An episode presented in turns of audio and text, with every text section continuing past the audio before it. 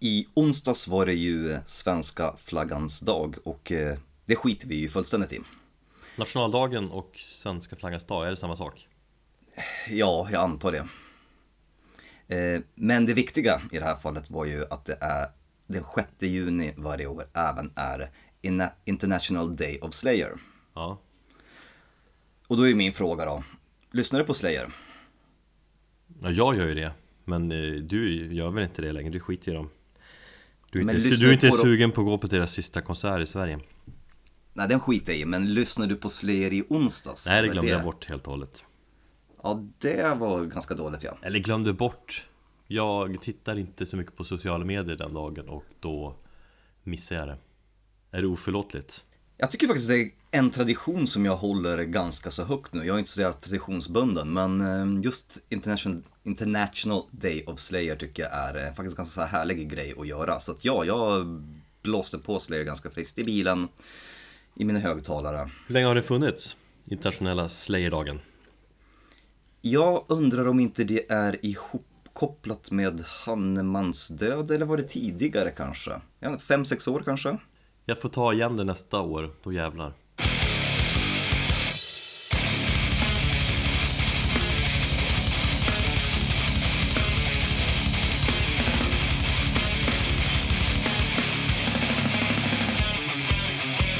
Hej och välkommen till Metalpodden avsnitt 77 med mig Erik.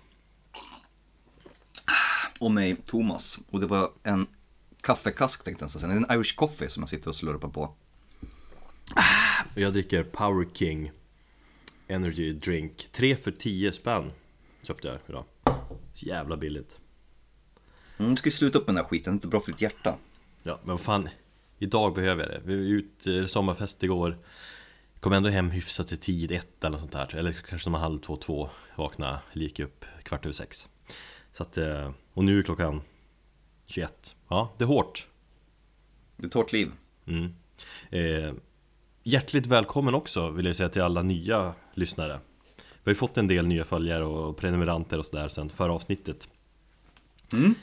Eftersom den där Tobias Forge, han drar ju lyssnare märkte vi Avsnittet eh, med honom. Intervjun toppar i iTunes topplista där ett tag. Jävligt kul tycker vi. Vi slog ju alla möjliga former av rekord va? Ja det gjorde vi verkligen. Det är ju så, man är, Mm. Ghost är ju Sveriges största rockband, ett av världens största ju. Ja.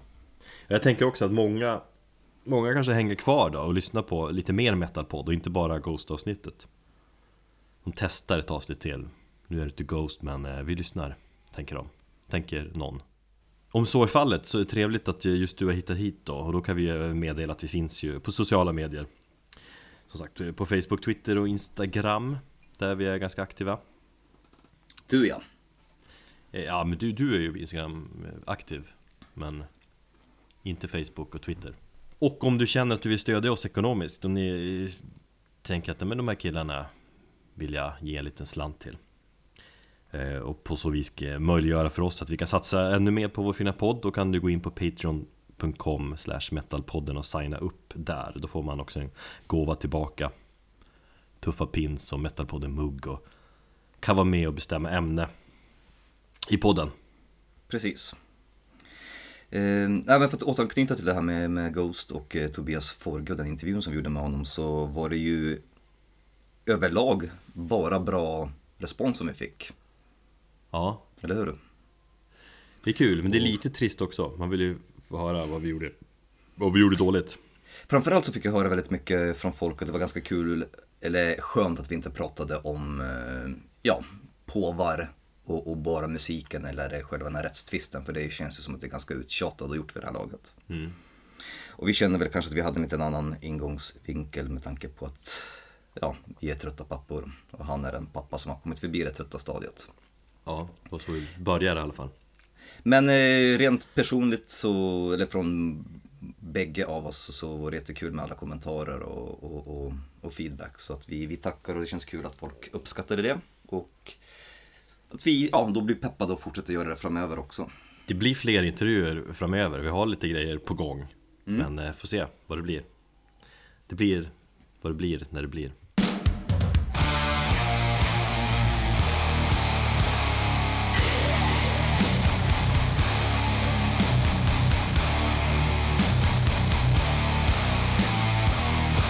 Vi ska ta oss an ett, eh, ännu ett patronämne idag. Mm. Från vår kära patron Janne Ruska. Ruska. Han skrev ju så här för några veckor sedan. Ska jag ta det? Ska du ta det? Du får ta det. Du, ska jag ta det? Ja. Alright. Janne skrev så här till oss. Får lite finlandssvenska. Jag gissar. Jag är så sjukt dålig på dialekter så jag ska inte ens försöka mig på det. Ja. Eh, jag har varit helt tom när det kommer till ämnen. Men så släppte Sleep sitt nya monster till skiva. Och de ska spela här snart. Jag tycker självklart att ni ska snacka om världens mest hypade av skivsamlare, långsammaste, 20 år sedan förra skivan och bästa stonerband genom tiderna. Om, High On Fire och Kalas är väl några band som ska räknas med. Han vill helt enkelt att vi ska kasta oss in i Sleep-universumet, kallar jag det. Precis, och eh, då tänkte jag, då gör vi det. Det är exakt det vi tänkte göra. Och det är ju verkligen perfekt timing också, som sagt, som man nämner också att de släppte sin nya skiva där. The Sciences 20 april, eller förlåt, 420. Ja, Och så såg vi dem ju på live, eller på Strand live nyligen.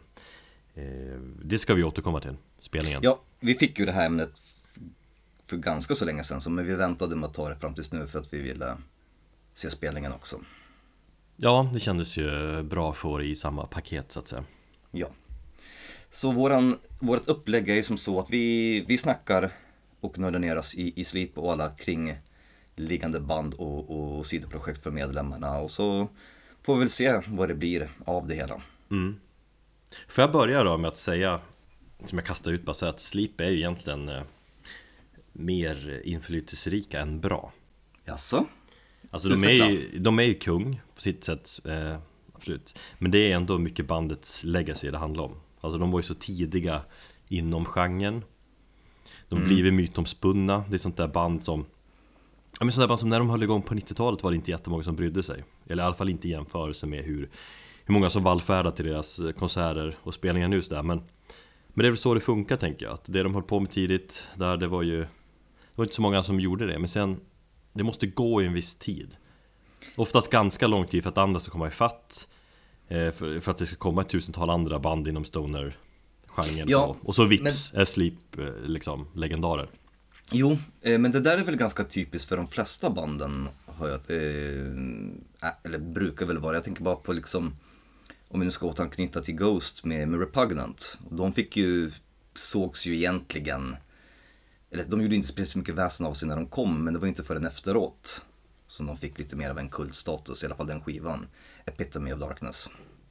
Och så är det väl med, med de flesta band att man måste låta en, en tid passera. Och sen så kommer det som sagt andra, något annat band, två, tre band som gör någonting annat i, i kölvattnet av det här första bandet. Och sen så växer den här hypen kring den här genren. Och sen så, ja, så har vi helt plötsligt pionjärer inom, inom en visst område.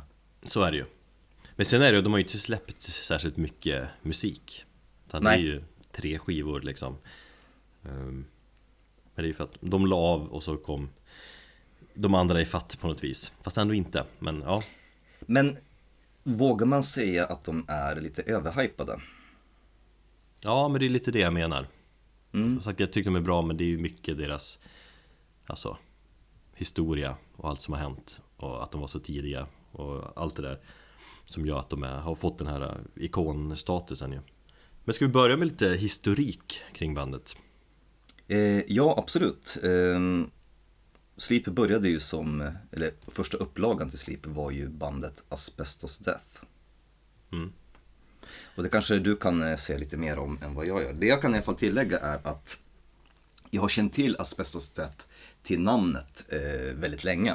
Svårt, svårt, svåruttalat eller, ja, eh, bandnamn Ja, men, men jag, innan jag satte mig in i, i eh, Sleeps eh, historia här så var jag faktiskt inte eh, med på att Asbestos Death var eh, förupplagan till Sleep. Utan jag trodde att Asbestos Death var något annat. Jag hade för mig att det var ett brasilianskt war metal band som spelade någonting i stil med, med Sepultura. Hur fan kan du fått för det? det? Nej, jag War, war metal? Ja men, ja, men så bestial war metal nu, från, från typ eh, Brasilien eller någonstans från Sydamerika. Mm. Nej, Jag vet inte, det var... det är så bandnamn som har hela tiden lig, legat där i, i bakhuvudet och skavt och jag har känt till det men jag har aldrig liksom brytt mig upp om att kolla in närmare. Och sen bara nu så fattar jag, aha. Ja. Och nu förstår jag också varför Sleeps debutplatta Volume 1 låter som den gör. För den är ju mer eller mindre Asbestos Death. Ja, och det är ju, alltså på många sätt är det ju samma band. Alltså Asbestos Death är ju, man, det är, ju- man får anse att det är föregångaren till Sleep. Då han släppa två och sju tummar tror jag. Mm. Innan de splittrades, eh, Dejection och Unclean. Det finns ju en sammansatt version. Mm, precis. Det är rätt cool och tidig eh, Doom Stoner metal. Jävligt eh, smutsig. Ja, och sen hoppade ena gitarristen av och då liksom kände de att ja, men då, då startar vi ett nytt band. Och då blev Då bildade de kvarvarande medlemmarna Sleep då, eller de tog in en till gitarrist När de bildade Sleep. Mm. Så de var två gitarrister till en början och när de spelade in första plattan, eh, Volume 1 så Var den gitarristen med också, sen hoppade han av och då var det bara Matt Pike kvar. Men Sleep kommer ju inte att bli eh, kända som Stoner Doom liksom in, pionjärer förrän egentligen på andra skivan. Eh, Sleep Soul Mo- Mountain. För det är ju där någonstans de craftade fram det här ljudet som de har idag. Ja, och där är ju hittarna med också, eller, men det, den är ju den stilbildande plattan Mm. Eh, Jag, jag gjorde, minns att jag gjorde en eh, Close-Up Magazine hade ju så här 25-årsjubileum, var det förra året eller om det var förra, förra året? De bildades, eller Close-Up startades 91 har jag för mig, så det var 2016. Och då skulle man lista ja, de bästa banden från 1991 och då vet jag att jag hade kollat in Sleeps debutplatta där. Mm. Och var egentligen ganska så missnöjd för att jag tycker inte den är så jättebra. Nej Men den är ju tidig, Ja, det är det jag menar också Den, den är hellre än bra, men den kom på något sätt att lägga grunden för hur bandet kommer att låta Ja. senare. Men däremot Holy Mountain är ju jävligt bra Ja, absolut. Det kan man inte förneka Och efter det vet väl de flesta vad som hände, det är ju så klassiskt eh, Eller det, det har ju blivit rätt mytomspunnet också. Alltså efter succén med Holy Mountain så eh, Skrev med nytt kontrakt med London Records som Som lovar att ja men ni får, ni får göra vad ni vill och här har ni jättemycket mycket pengar. Mm. Eller mer pengar än det konkurrerande skivbolaget eller skivbolagen Som ville ha deras eh, påskrift då, men Sen tog det fyra år För dem att skriva Dope Smoker-plattan Mm. En skiva som tog väldigt lång tid att skriva eftersom de behövde lägga mycket tid på att eh, röka De la ju allt, allt förskott på Mariana eh, Ja, det där är också en sanning med modifikation. Jag läste en intervju med eh, Matt Pike, han sa att ja, de la ju, eller de rökte ju jättemycket under den, hela den inspelningsperioden. Men de la ju jävligt mycket eh, pengar också på stärkare och pedaler. mm. Så att just det här... För att få, här för att just få det unika sound och grejer ja. Ja, men att just den här eh, själva romantiserade bilden av att de rökte upp hela förskottet, att det inte riktigt liksom, att det har blivit överdrivet. Fast mycket av det är det väl, kom igen Det är kul att säga ja. Nej, men, det, är kul, det, är kul att, det är kul att tänka så, det vet jag liksom. Det, det fattar jag att band får ett förskott och lägger pengarna på droger eller någonting annat. Nej men sångaren har vi, han, alltså El Cisneros, han har ju sagt att också att de behövde, de behövde röka mycket för att kunna skriva den här plattan, de behöver lägga tid på att röka. Mm. Och sen är det en komplex skiva. I- Matt Pike har väl sagt att det eh, Ja men att det, att det är svåraste skiva han har spelat in. Mm.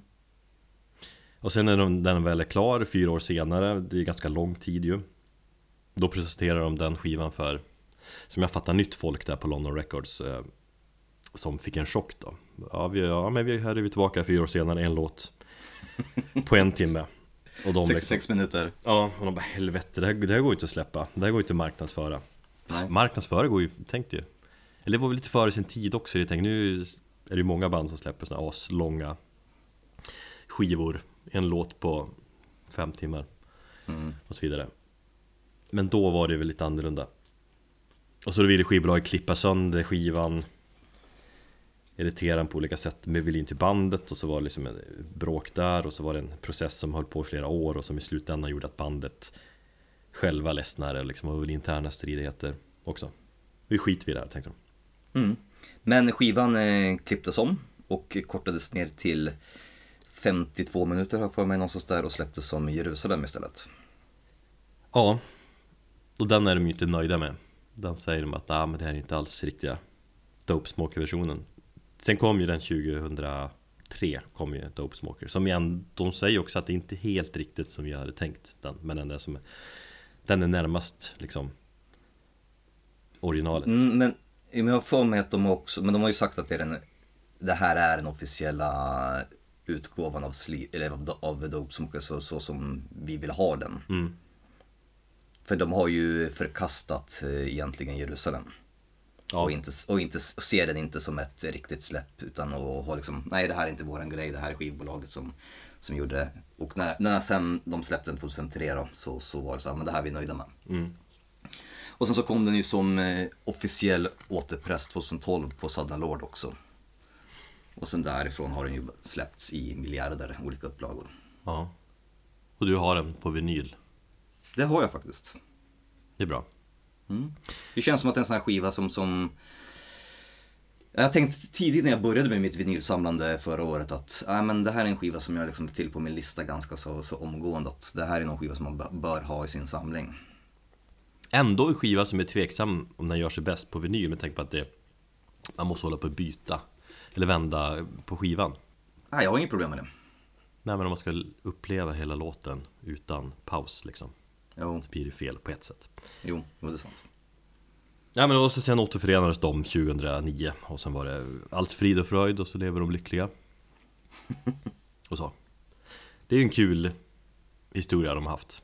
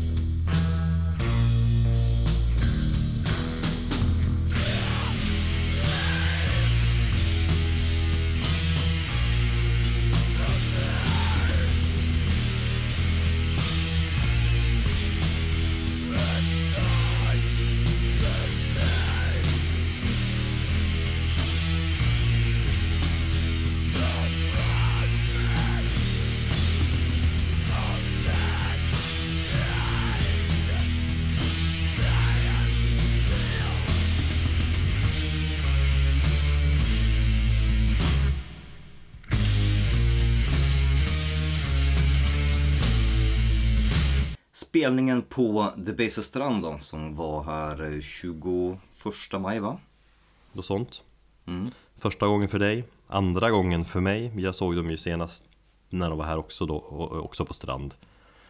I spelen som nästan har hunnit bli lite så här äh, legendarisk också i och med att det var så jävla högt. Och så körde de Dragonaut tre gånger för Cisneros blev så förbannad för att han inte hörde någonting Ja, den har ju, den, ja, folk snackar ju om, om den spelningen och just det, just det Cisneros utbrott där. Ja Men jag vet inte, jag tyckte den här spelningen var ju minst lika bra, om inte bättre faktiskt Jag har eh, några anmärkningar, eller inga negativa anmärkningar överhuvudtaget förutom att det var svin jävla varmt. Men jag var ju inställd på det.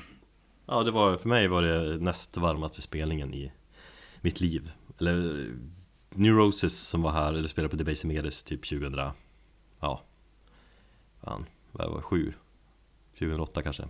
När de hade stängt av ventilation, det var ju sjukt varmt. Men det här var inte så långt ifrån. Men eh, helikopterspelningen förra året då? Nej, det var inte i närheten.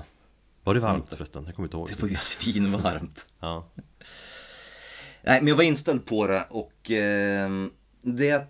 Några saker som jag, jag tänkte på var ju att... Ja, dels var ju förlagt, spelningen var ju förlagt till en måndag och då gäller det lite andra regler för spelstället än, än om det skulle varit en fredag eller lördag. just det, de måste sluta spela klockan 10 senast Ja, spelningen började ju strax efter åtta och höll på i typ 70 minuter.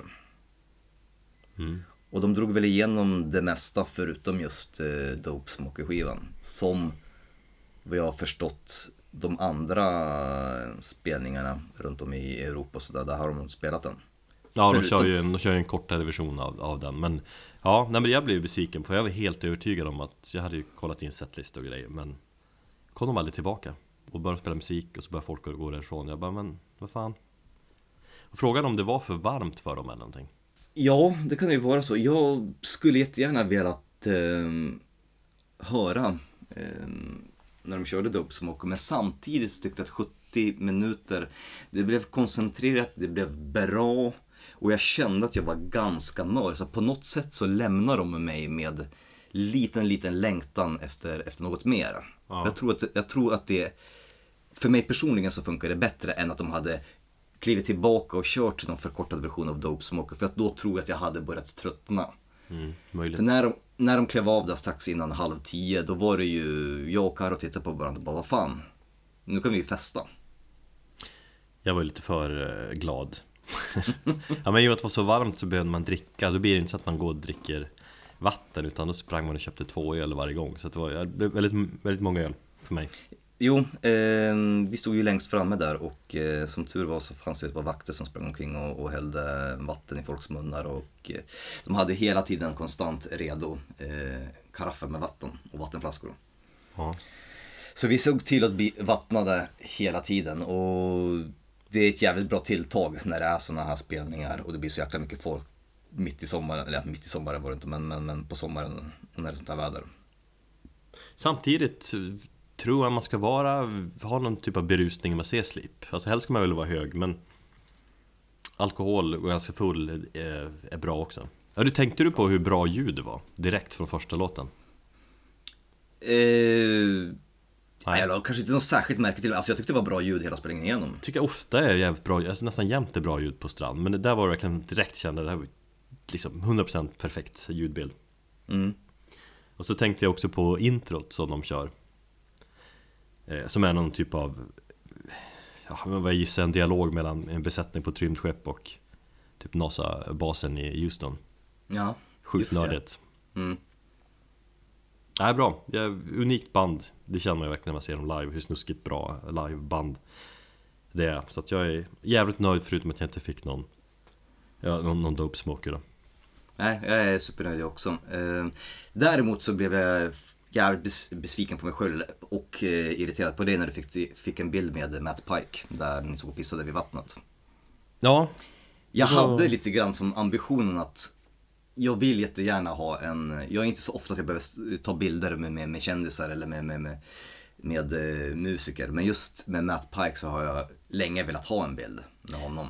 jag har ju Jag bild med honom från eh, Debaser-slussen också för ett antal år sedan när, Hi- när High On Fire spelade. Så Jaså? att, så att jag och Pike är ju liksom Astajta. Nej men det var kul, det var för jag stod där och pissade och jag var ju ganska på G vid gasen Jag behövde ju kanske åka hem lite för glad Mm. Och då hör jag någon som går förbi, vet man pissar ner i vattnet där Så har jag någon som säger liksom Hey man! Eller något sånt där. Vänder mig om, då är det han. Och jag liksom bara direkt Slutar kissa, går fram till honom och liksom Stod ni och pissade bredvid varandra eller? Nej, han gick bara förbi mig och sa hej man! Och jag sa hej man! till honom. Och Så gick jag fram till honom, tog han i hand. Och jag tänkte på det efteråt, det var liksom ingen tvekan. Bara här kommer någon snubbe som precis har haft sin hand på en snopp. Han ska jag skaka hand med Men utbytte du någonting mer förutom Hey Man med honom? Nej men typ att, eller jag kommer inte ihåg men med att det var jävligt bra spelning och han liksom appreciated men, eller han tyckte, ja jag vet inte Snackade lite grann, att det var varmt och sådär Och så Mm. frågade jag om, om vi kunde ta en bild Och så såg jag jävligt, jävligt udda jag, jag ser ut på den bilden men ja Bra, bra. Eh, det kanske är den mest likade bilden någonsin som du har lagt upp eller? Nej, det tror jag inte Det är det inte, nej okej. Men det var kul Nej men jag såg den bilden så bara fan också. Så bara, just det, för jag hade ju så jäkla bråttom att sticka upp till ölstugan och dricka mer öl. Mm. Så därför så hängde vi inte kvar på, på The Bases speciellt länge. Ja, vad är det för synd för dig? Nästa gång får du ju ta chansen då Säg ett betyg på spelningen Eh, Nej fan, det här var... ehm, Fem av sju Per- Perfect score ja. Fem av sju perfekt score. Nej men vad fan, det här var hittills årets bästa spelning. Så jag, jag ger det fan en fem av fem. Jävlar Ja, fyra och en halva då, säger jag Ja, okej. Mm. Ja, men jag, jag fick ju en date night med, eh, med min sambo också så att för, för oss så blev det ju extra, extra bra. För det här blev någonting som vi kommer bära med oss ganska länge. Jävligt besviken att jag inte fick öla med dig. Det känns som att alla man kände var på den här spelningen så att jag saknar väl inte dig så. Jag förfestade ju med, med roligt folk ändå. Men när du, när vi skulle mötas upp där i Hornstull Mm. och jag skrev vart det var och du bara, "Men vart ligger det någonstans? En person som frågar vart det ligger när man har smarta telefoner, det är obegripligt. Men jag hittade inte den jävla ölstugan. Sen så trä- träffade jag lite andra kompisar och satt vi just där och drack öl och sånt. Ja men vi kommer dit och möter upp och så bara nej fan nu sprang tiden iväg och sen så mötte, alltså som sagt, det var ju inte en enda person som man inte kände som, som inte var där. Nej. Men fortfarande, Google Maps, smacka in namnet, ölstugan, då kan man ju inte liksom Ja men ölstugan, ölstugan är så pass ny att den inte finns på Google Maps. Den finns Ja den fanns inte då, eller Nej. på Apple Maps. Fuck it, jag hittade dit eh, sen, vi satt ju där och drack öl efter spelningen. Men det Jag minns du känner inte. mig lite ledsen Du minns eh, efter spelningen att vi satt där va? Ja Men då drog Vad? jag, ja Att vi träffade Domkraft Martin. Ja, det minns jag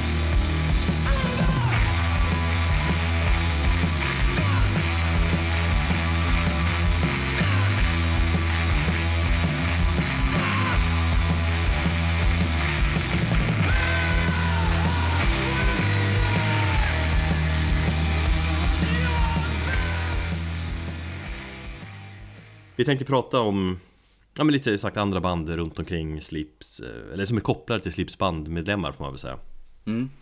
För det är intressant och bra skit Och en hel del eh, band Så vi, vi börjar väl Vi börjar väl någonstans med de mest självklara Och då får du börja helt enkelt Ja, eh, ett personligt, en personlig favorit som har kommit ur det här Sleep-universumet är ju bandet OM. Som består då av Assis Cisneros och eh, tidigare trummisen Chris Hikos som också spelade i Sleep i början. Mm. Innan Neurosis-trummisen tog över. När var det han tog över egentligen? eh, Jag tror att alltså, när de återförenades så körde väl någon gig med, med Den gamle trummisen så att, Men jag tror samma år Hoppade han väl av och så kom Jason in Mm, Chris Hikos skulle väl, mm, han fick väl barn eller någonting och, och, och skulle koncentrera sig på familjen. jag för mig. Ja, typ, men det- han, väl, han hade ju bara ledsnat liksom. Han kände att han inte hade motivationen Det var väl snarare så Det låter bara konstigt att säga att nej, men jag, jag ska satsa på familj Man borde kunna sköta eller ha ett band samtidigt Ja, det är sant. Eh, Åm i alla fall. Eh, det är ett band som inte är helt olikt eh, Sleep i det sättet att de eh, kör ju någon form av Doom Stoner mm, men med lite mer österländska influenser. De har ju, på deras tidigare skivor som har de ju så här tibetanska rytmer och, och, och lite olika österländska instrument som gör att de får en, en annan och lite mer kanske, vad ska man säga, religiös touch på musiken. Alltså det är fortfarande det hypnotiska Som jag tror L. Cisneros står för liksom att det Ja, malande riffandet liksom samma basgångar men det är Det är mera liksom Ja men ma- Massa mässande typ om man säger. Mm. Ja, alltså just de tre första albumen, där har vi ju lite... Mm, där, det är ju mer stoner-riffande ihop med det här, ja, det här österländska mässandet och kanske lite mer av de här, ja, lite arabiska influenser där. Men det är inte förrän just på Advaitic Songs från 2012 eh, i mitt tycke det är årets bästa skiva och bandets bästa skiva. Jag tror inte den, den har mottagits lika väl av andra. Den känns väl som en sån här mellanskiva, tror jag. Ja, jag gillar den mest också faktiskt Ja, jag tycker den är helt fantastisk. En, en, en jävligt bra knullskiva. Mm, det har du på. sagt tidigare. Precis. Ehm, fan, den släpptes 2012, det är sex år sedan. Det är nog dags för att att släppa någonting nytt. Mm. Nej, men just där tycker jag att de har fått det här, eh, de här hypnotiska österländska rytmerna ordentligt och förfinat dem. Och, och där har du ju även, även, även på de två tidigare skivorna innan den, så har du ju också den här stilen där de har liksom någon form av bibliska referenser på, på, eh, på omslagen till sina skivor. Mm. Så det är väl det någonstans, eh, och den här skivan heter ju God is good, så man skulle kunna tänka sig att det finns någon form av ett spirituellt eh, tema kring skivorna som Al Cisneros står för. Jag vet inte riktigt vad, hur han står, eller vad han står eh, liksom, spirituellt eller religiöst. Nej, inte jag heller. Men han är allmänt intresserad av religion känns det som. Mm. Eller så är eh, weedet hans religion. Då är det ju garanterat. Mm. Nej men eh, Om är väl kanske, jag vet inte om det är kanske det bästa av, av de sidor, olika sidoprojekten, vi har ju High on Fire också men för mig så är Om kanske det mest intressanta som har kommit från själva Sleep-universumet. Men inte bästa. Men mer, mer intressant än bäst. Mer intressant än till exempel High on Fire. Ja. Eh, de har ju släppt som sagt sex skivor och senaste skivan eh, hette Atvetic Songs. Eh, jag tycker vi ska lyssna lite grann på ett litet stycke ur den fenomenalt bra och väldigt långa låten At Giza.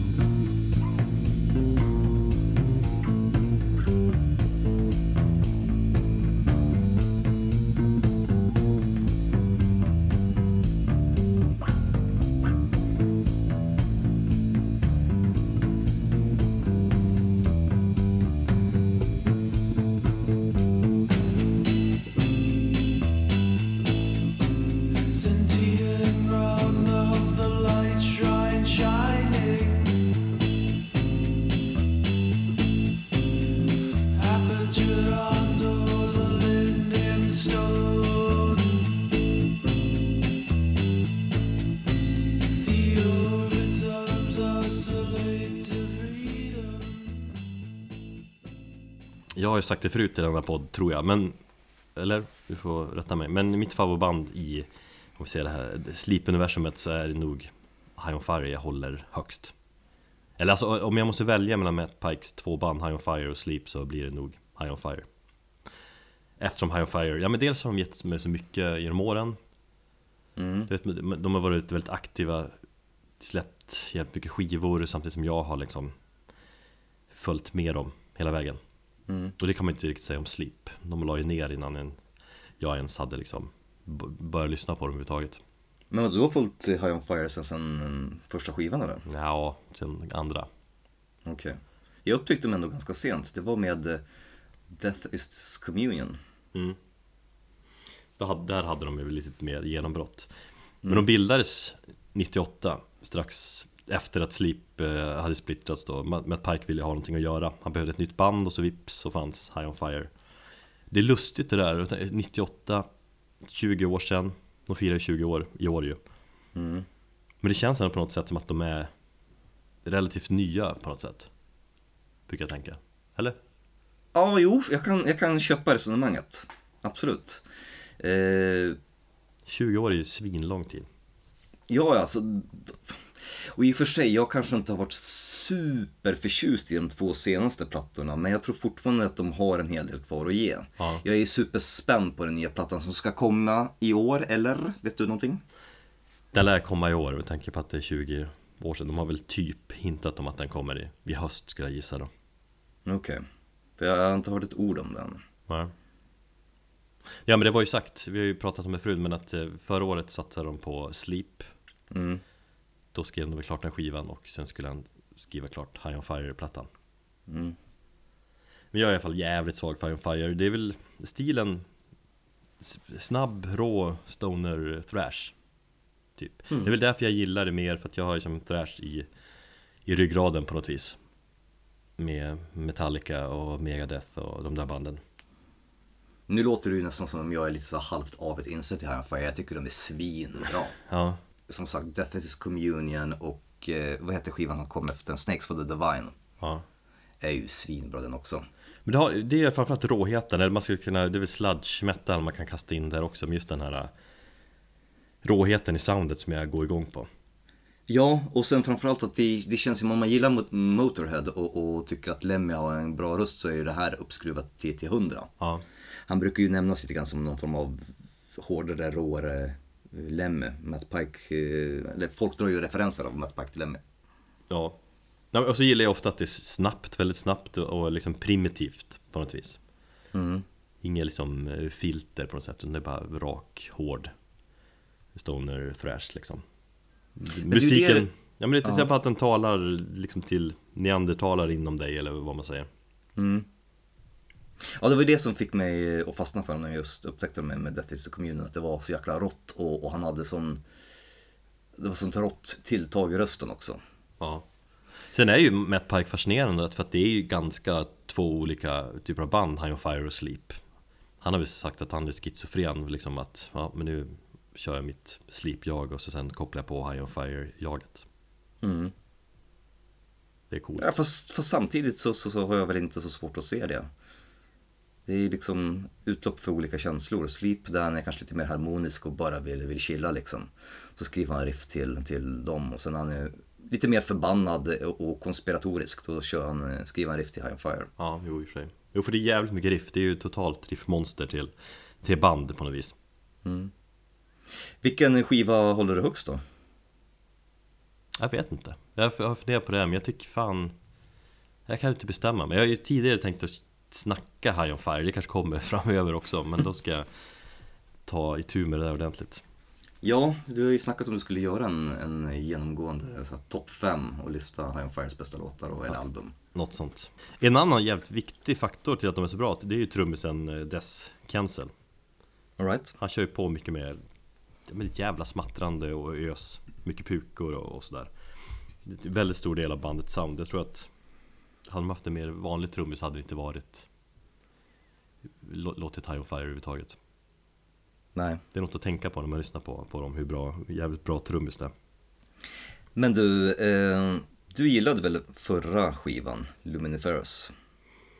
Ja, jag tycker att den är skitbra. Alltså, om du lyssnar på den igen också så tror jag du tänker det. Många tycker liksom att de, ah, men det är inte samma råhet längre, de har tappat stinget lite grann, men vad fan, det är, det är ju hur hård som helst.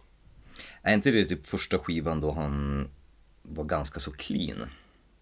Man skrev. Det är väl kanske därför jag anser att den... Jag minns att jag recenserade den när den kom och, och att jag hade någon så här, jag skrev någonting om att fan Matt Pike du får ju ta och börja draga igen om du ska börja skriva musik för High on Fire. För jag tyckte att, ja det var någonting som, som Fast den är ju fortfarande flippad, alltså arg och politisk och sådär och ut ur hans knappa perspektiv. Politiskt, ja. Vad är, han, eh, vad, vad är hans konspirationsteori? Det är att människor är en...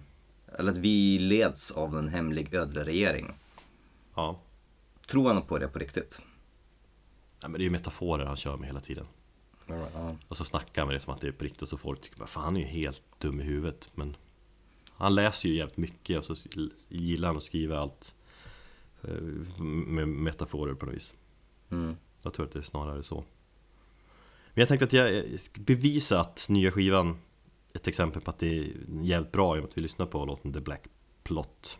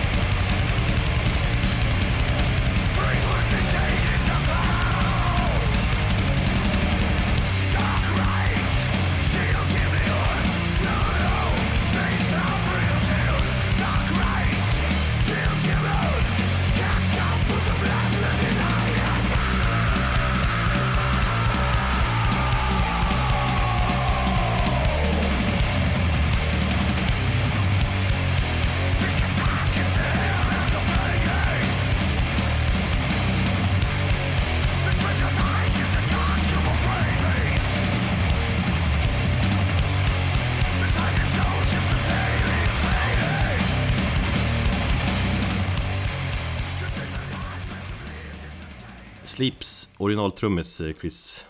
Vad säger man? Chris Haikus, Haikus. kan man säga Hakius? Ja. Hakius. Han var ju med redan innan Sleep i, bandet Asbestos Death. Han har ju varit med sjukt länge. Men som sagt, han hoppade av där 2009. Eh, Och då kom ju Neurosis, ett trummis, till bandet. Jason Ruder, Mm. gammal vän till bandet. Eh, Så han hoppade in, hade ju fantastiskt trummis. Eh, Jag har tänkt på det, men liksom hur han... Och det känns bara, man, i och med att hans närvaro i bandet har höjt bandet ännu liksom högre till ännu mer så här ikonband på något vis.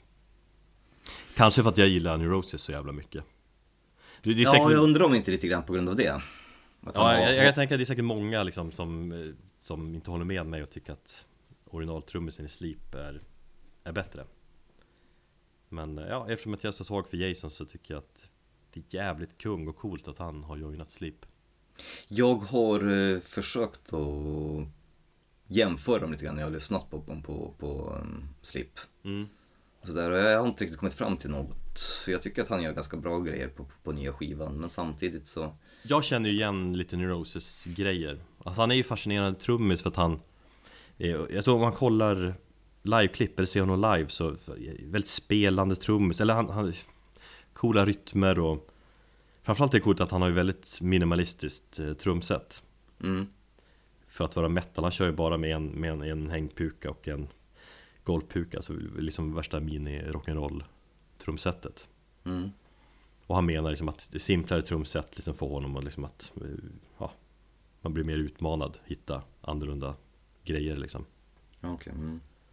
Väldigt aktiv bakom trumsetet och så Jag bara se honom nu Tycker jag var hur, hur bra som helst Det är lite grann eh, det som jag missade under Sleep-spelningen. I och med att jag stod lite grann till vänster så såg jag ju bara Cisneros och eh, Matt Pike. mm. Jag försökte tränga mig in för att kolla in eh, honom.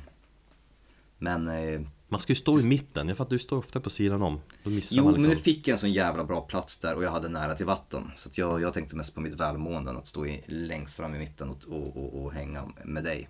Men om man gillar Neurosis, man gillar Jason och så tänker man på hur bra han är och lyssnar på Sleep Så är det, äh, då har ju Sleep blivit ännu bättre.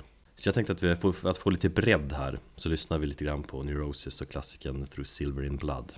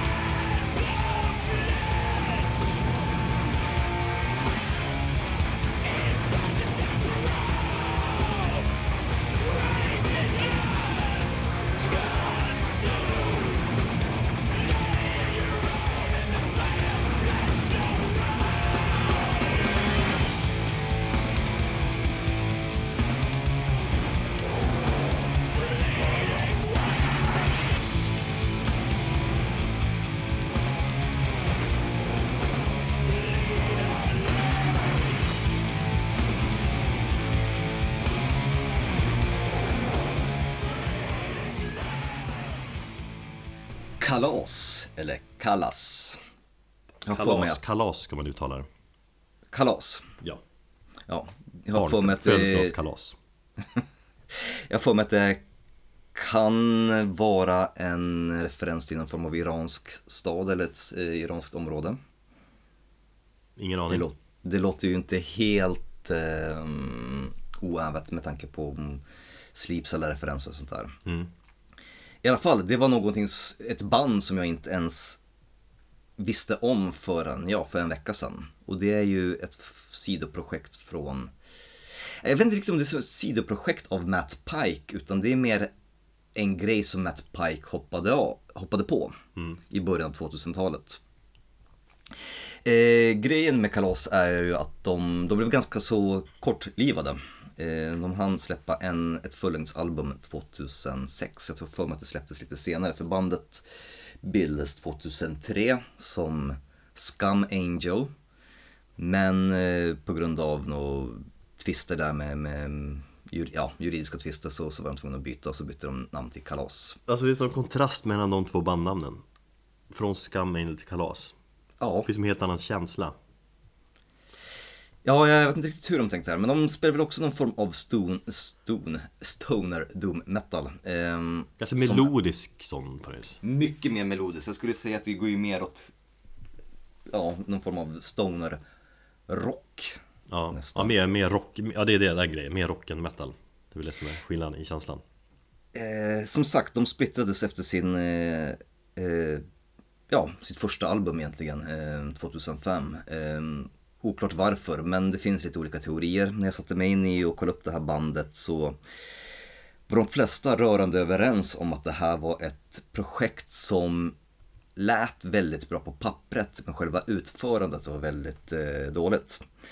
Eh, när jag eh, kollade på lite olika forum och sånt där så, så var det folk som skrev om hur, hur jävla peppade de var i början av 2000-talet. Det här var liksom individer som, som hängde i, i den här scenen kring Matt Pike och där han bodde. Och de har alltid sett att Matt Pike är en sån otroligt stor eh, alltså lokal hjälte. Han hänger på sina liksom, de olika spelställen och liksom, kid, ja, alla som bor där i närheten och gillar den typen av musik har, har, har sett honom som någon form av lokal Lemmy. Medan ja, alla andra hade Lemmy så hade just de här Matt Pike, det var hans, det var deras liksom, symbol för staden eh, i Kalifornien då. Eh, och att det hypades så jäkla mycket när, eh, ja, när det kom fram att han skulle vara, vara med i ett band som heter Kalas då. Och grejen är att de här andra musikerna i bandet, de är ju, de är ju så halvkända. Det är ingenting som jag, inga som jag känner igen. Nej. Ja, exakt, det är mer lokala band, tänker jag. Ja, precis. Och så hade de ju egentligen musiken redan färdigskriven.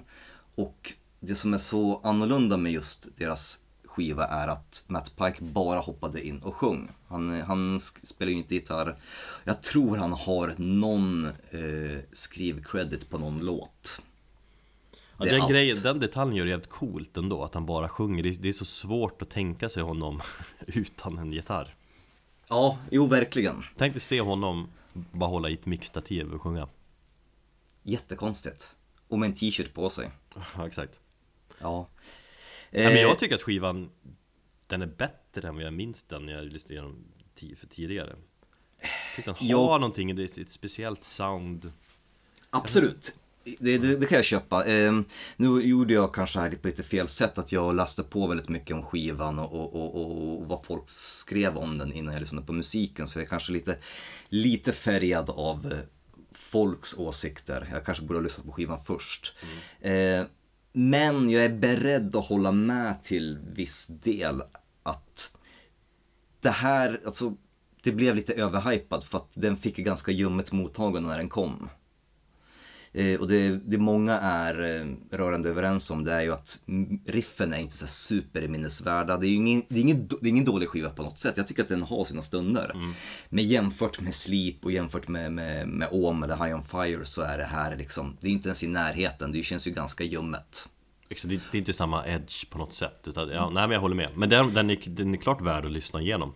Och så. Absolut, om, om man på något sätt är, eh, vill knarka lite mer Matt Pike och, och kolla upp dem så tycker jag definitivt att man ska lyssna på dem för det är inte dåligt. Men utan Matt Pike bakom micken så hade ju den här skivan inte ens kommit upp till ytan. Så är det, så är det nog. Och folk menar ju att liksom det är just på grund av att han inte skriver någonting, eh, att han bara sjunger. Och det som är ju också, men en annan sak som jag ändå är full för, det är ju att han sjunger ju på ett annat sätt än vad han gör i High On Fire. Han sjunger ju mycket mer melodiskt. Eh, och Skivan har ju den här lite mer, ja, vad ska jag säga, traditionella låtstrukturer. Det finns mer, solon, det finns verser och refräng. Han alternerar rösten, han wailar ju ganska mycket och han försöker ju, och i vissa stunder lyckas han ju sjunga ganska som vanligt. Mm. Ja, jag håller Och- med. Det är och coolt det- att höra honom, den, den sångstilen. Absolut, eh, efter att ha hört just eh, och High On Fire och sådär så, så, så, så är det väldigt annorlunda. Och det är väl det som jag tycker att på något sätt ändå är på ganska coolt för att det är vä- väldigt, väldigt ovant att se honom. Han sjunger nästan lite mer emotionellt. Samtidigt är han ju inte särskilt bra sångare. Nej, inte Men det i den bemärkelsen. Han är ju ja. jävligt cool. eh, Han är ju en cool skrikare eller vad man ska säga, hårdrocksångare är han Ja, ja. Men han är ju ingen bra sångare i, i den traditionella bemärkelsen. Nej. Exakt. Men ja, som sagt, kalas. Släppte, ett, sk- eh, släppte en skiva, självbetitlad skiva. Så att eh, den finns ute att lyssna på om man vill höra lite halvt oinspirerad ljummen stonerrock. Vi ska lyssna på en låt faktiskt som jag ändå tycker är eh, väldigt bra och där man får höra lite grann hur eh, Matt Pike eh, låter annorlunda än i High On Fire. Eh, låten heter Voyager.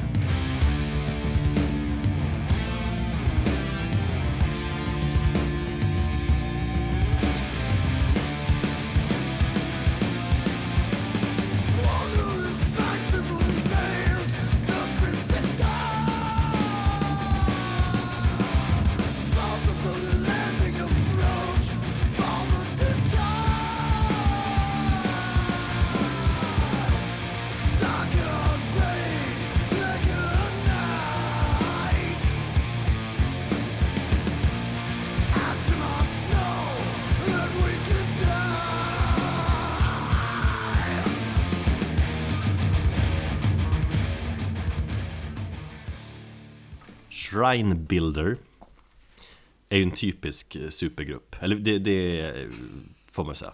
Jag visste att det, det uttrycket skulle komma. Men ja, det är ju... Det är ju en supergrupp, även om det själva den eh, uttrycket är så jävla devalverat.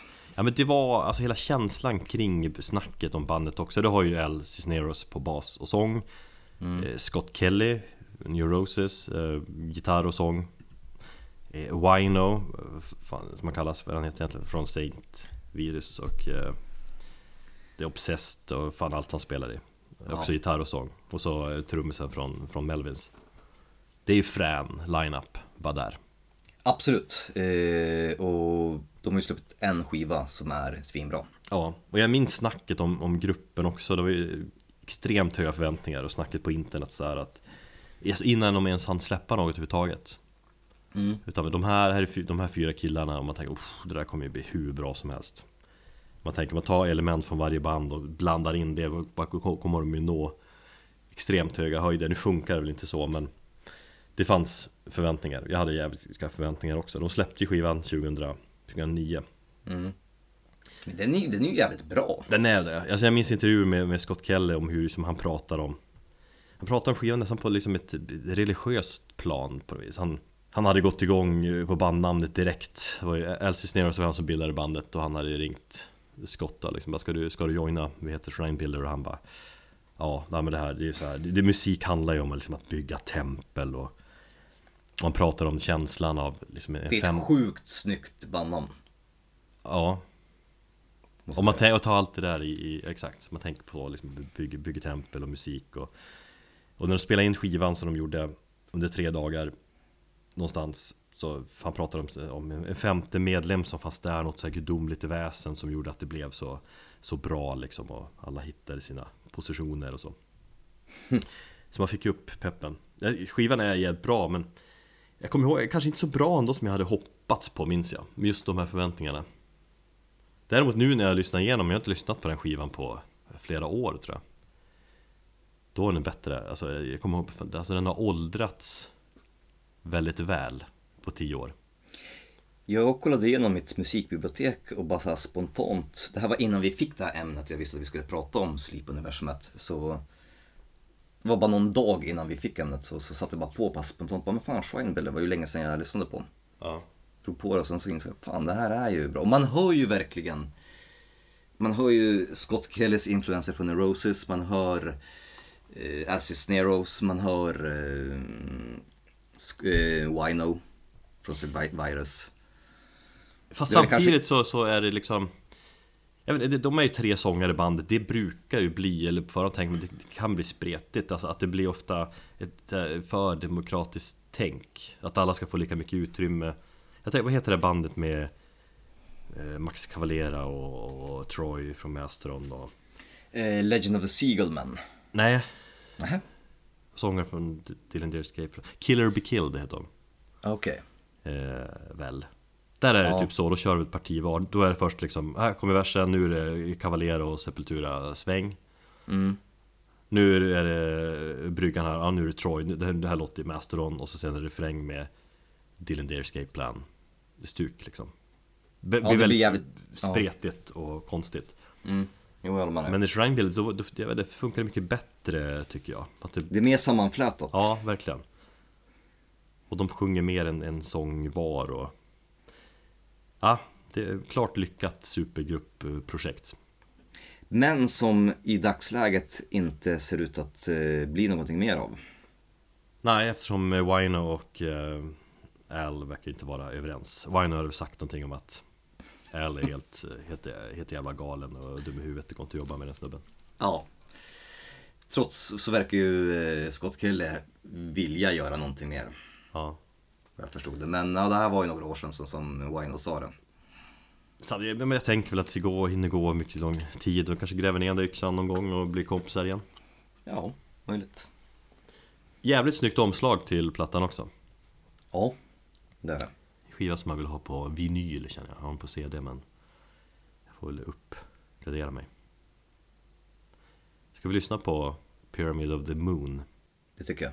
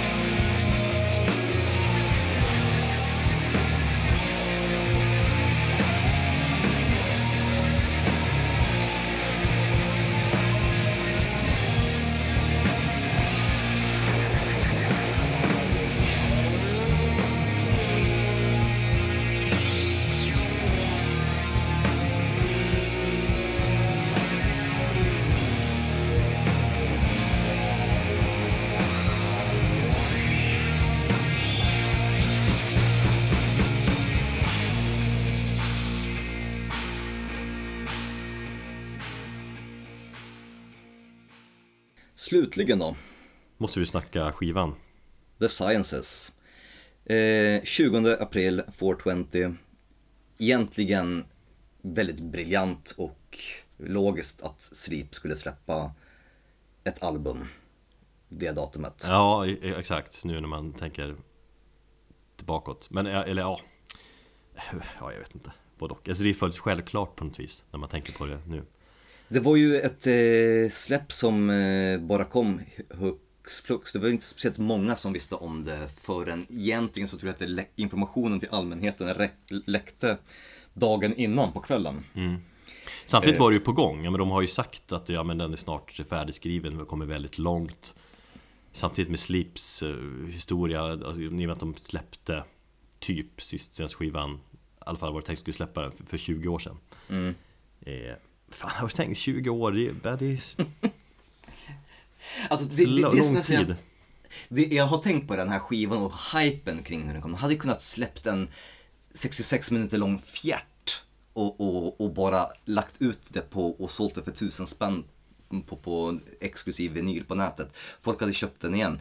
Det är intressant hur ett band har fått en sån legendstatus. De egentligen skulle kunna göra vad som helst och sälja bra. För de behövde ju ingen marknadsföring egentligen. De Ja, vi har ju snackat om det lite grann tidigare, om, om det där, ska man släppa en skiva utan förvarning och utan marknadsföring, att det kanske är en fördel för vissa, negativt för andra. I Sleeps fall Mm. är det ju jävligt positivt att göra det. Om vi säger så här, Det känns tror så rätt för dem på något vis. Ja, det gör det absolut. Jag tror inte att de hade förlorat på att ut utannonsera det tre månader i förväg och kört den här hela vanliga PR-kampanjen med förhandsbeställningar och sånt där. Men samtidigt så tror jag inte att de har förlorat någonting alls på att bara släppa den så här. Och, och liksom, Nej men då hinner, då hinner man, alltså, jag skulle tro att det skulle vara negativt för oss fans liksom också på något vis. Man skulle veta att om x antal månader kommer Sleeps nya platta, då hinner man ju bygga upp förväntningar och, och allt det där. Utan nu kom den bara, nu fick man den bara liksom rakt i fejan. Och då får... ja, Det blir som mer chock på något vis. Och ändå lyckas de eh, bevara den hemligheten om släppet ganska så, så länge vad jag har förstått det. Jag fick ju reda på det lite förväg. Ja. Eh, Och det läckte, ju till, eller det läckte ju till allmänheten just på grund av att den fanns att köpa i Australien och i och med att de låg de ligger före oss i tiden så var det någon som hade lagt upp det på sociala medier att nu Sleep har släppt en helt ny skiva och sen nådde den resten av världen dygnet innan liksom. Fast det var ju bara någon dag innan också. Så att det är Ja, helt det var- sjukt det var att ju de på- kunde hålla det hemligt så länge. Eh, För att skivan skickades ju ut till utvalda independ- independent-butiker i, eh, runt om i världen. Ja. Eh, Och enligt ryktet så, så, så var det bara ett paket som kom och så stod det så Do not open until 420. Extremely important. Ja. Eh, så att många av de här butikerna som fick det här paketet visste inte om vad det var. Eh, vad jag förstått så är det en enda butik i Skandinavien som fick den och det var någon butik i Finland. Ja. Sen skickades den ut till lite independentbutiker runt om i USA. Det var någon ute i, eh, vad heter det, i Australien och sånt där. Men eh, Sverige fick inte en enda. För jävligt. Mm. Och så folk går bananas för att man vill ha den gröna vinylen och så. Som jag till slut fick tag på. Men du skiter ju i det. Du vill ju egentligen bara ha svarta så du kan ju byta din mot min. Nej faktiskt, jag ville ha den, eh, jag ville faktiskt, hade jag fått tag på den svarta så hade jag inte blivit mindre ledsen för det. Men nu var det den som jag fick tag på. Ehm, vi fick ju den till våra butik. ehm, jag trodde faktiskt det var den svarta vi skulle få. Så att jag blev ganska förvånad när jag öppnade upp den och såg att shit, det är faktiskt den gröna. Ja. Ehm, men, Fan, jag kan inte sluta eller leka med tanken med det där tiden. Jag är fast där för i 20 år. Eh, om, vi, om vi säger att Metallica, efter Ja. att de släppte Master of Puppets 86, eh, skulle ha släppt sin fjärde plattan Justice for All 20 år senare, 2006. ja, om du hade väntat 20 år vill säga. Ja, ja. det är Då hade den låtit som Death Magnetic. Eh, ja, precis. Nej men jag menar, Sleep, va, va, alltså, de bjuder på sin patenterade, får man väl säga också, eh, långsamma, tunga Black Sabbath knark, Weedstoner. Du, eh, vad tycker du om skivan då? Alltså jag bara känner ju direkt när man lyssnar på att den här skivan, den här är cool som fan. Men det tar ändå flera, för mig, genomlyssningar innan man- man kommer in i den, innan man inser hur jävla bra den är. Och det är inte bara liksom, den är inte bara bra på det sättet att den är nostalgisk. Alltså bara, nu släpper Sleep ett nytt album, 20 år sedan senast. Mm. Det låter Sleep. Jag tycker de ändå tar konceptet Sleep vidare. Eh, och det känns, den känns nyskapande. Alltså de har åldrats 20 år, Mm. men de har utvecklats. Alltså, bland alla sådana här återföreningsskivor, för man får ju kalla det en sån ju. Mm. Som har kommit ja, genom åren så måste det vara fan en av de bästa. Jag tänker på med Soundgarden, den var ja, med Soundgarden-platta men ja, långt från dess bästa. Fate No More, ja okej, men liksom Alltså det har varit okej skivor men inte liksom Ja men Sleep, de bevisar varför de är legendariska. Eh, tiden har inte hunnit ikapp dem. Ja det är så jag, jag tänker. De, har, de röker så jävla mycket gräs att tiden står stilla hos dem. Nej, utan de ligger i framtiden för att de har rökt så jävla mycket gräs. De är ute i rymden. Eh, och, Eh. det, och det är fascinerande, då förstår jag hur jag känner och tänker. Ja, ja absolut. Eh, jag håller med dig. Jag tycker faktiskt att den här skivan lever upp till förväntningarna eh, trots en enorm hype. Jag bara tänker på hur, för den släpptes ju, får se här, släpptes i 10 000 svarta X, 10 000 gröna X och 1000 eh, X med någon limiterat eh, omslag på. Eh, och med tanke på hur, eh, vad priset hamnade på, på Discogs dagen efter för de som lyckades få tag på, eller de som lyckades köpa eh, den här limiterade 1000, eh, 1000x den ligger ju på, ja, mellan 2 och 5 tusen spänn. 2 och 500 dollar. Dagen efter. Det finns folk som har bara köpt upp den för att trissa upp den så att eh, det, det är helt sjukt. Ja, men så blir det ju. Alltså med den kultstatus de har och ja, koppling till vinyl och allting. Mm. Så även om det är jävligt orimligt, för jag skulle aldrig lägga så mycket pengar på, på, på, på en platta. Men så tycker jag att trots den här hypen så lever plattan upp till, till förväntningarna. Den börjar bra, men den avslutas fantastiskt. Jag tycker att skivan växer. Den liksom... Det är ja, men en, en liksom brant kurva uppåt. Alltså, alltså den, den är ju helt varierande. Jag skulle inte säga att den börjar så och blir, men jag vet inte, jag tycker den är Alltså ett albumtänk i den som jag går igång på väldigt mycket. Jaså? På vilket sätt? Nej men bra variation. Ja. Och, och ja. Alltså och texterna, det är ju sällan jag går igång på texter som sagt vi pratar, Men alltså texterna är så jävla flummiga och, och kung och, och så mycket slip Det får ju en att bli lite stenad själv typ när man, när man läser dem Ja, texterna är ju om möjligt ännu mer flummiga än tidigare. Ja Och Men det är bara och- Inhaler of the Rift Tree och Inte Asteroid Fields utan The Hashsteroid Fields Så det är liksom Rift Beacon Signal is received och man sjunger om Planet Iomia och allt det där Alltså det, Ja. det är svårt att inte skärmas För det är liksom humor, man liksom Ja det dyrkas eh, Black Sabbath och, och, och Bongen Ja, Nej, jag, jag håller med dig. Just det här med, med eh, Iomi och eh, Giza Butler. ja. Tycker också är en helt fantastisk låttitel. Tror du skivan blir bättre med hjälp av weed? Den är skriven i liksom symbios med den, med, med det. Alltså de la ju själva upp en bild på eh, en tallrik sådant och tigerbalsam var också i bilden. det var lustigt. Weed och tigerbalsam kanske behövs. Jag vet inte. Eh, jag har inte haft möjlighet att testa. Eh, jag har en ambition att göra det i sommar. Ja. Så att eh, låt mig få återkomma om just det. Nej, jag vet inte, The Sciences för mig, tung som fan Jättekonstig skiva Det är därför jag gillar den också Det är inte bara säga, ja men det är bra stoner Det är bara det är jävligt konstig stoner Sjukt knarkiga texter Lätt en av årets bästa skivor tycker jag Definitivt, den kommer hamna högt. Gott så. Eh, ska vi avsluta med lite slip då också? Lyssnar väl på uh, Mary Warnots Theme Precis.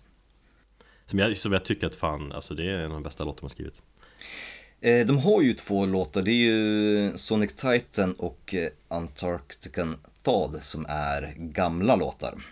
Eller hur? Så det, jag kan känna lite grann där att ja, man hade gärna velat ha någonting som inte spelade så mycket tidigare. För det känns lite fuskigt att ha med två gamla live-favoriter på en skiva. Men de får ju väl kanske ett officiellt släpp. Ja det är väl det det handlar om Jo, Och man kan, men man tycker om 20 år, ja men de jobbar långsamt Men eh, sen så släppte de ju även eh, en singel efter det som heter Leagues Beneath. Har du hört den? Ja, Vad tycker du? den är, det är lite annorlunda känsla på den Jag kan tänka mig att den Att den kanske inte, de känner att den inte riktigt passar in på skivan Nej precis, så, så det intrycket fick jag också.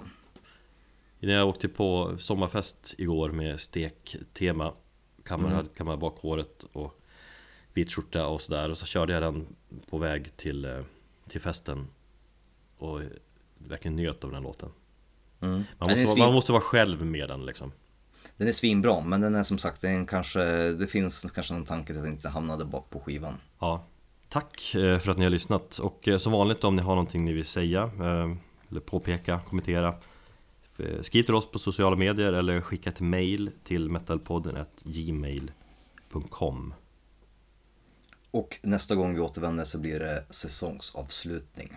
mm, Sen tar vi lite, lite semester Här kommer Marianas theme. Ta hand om er.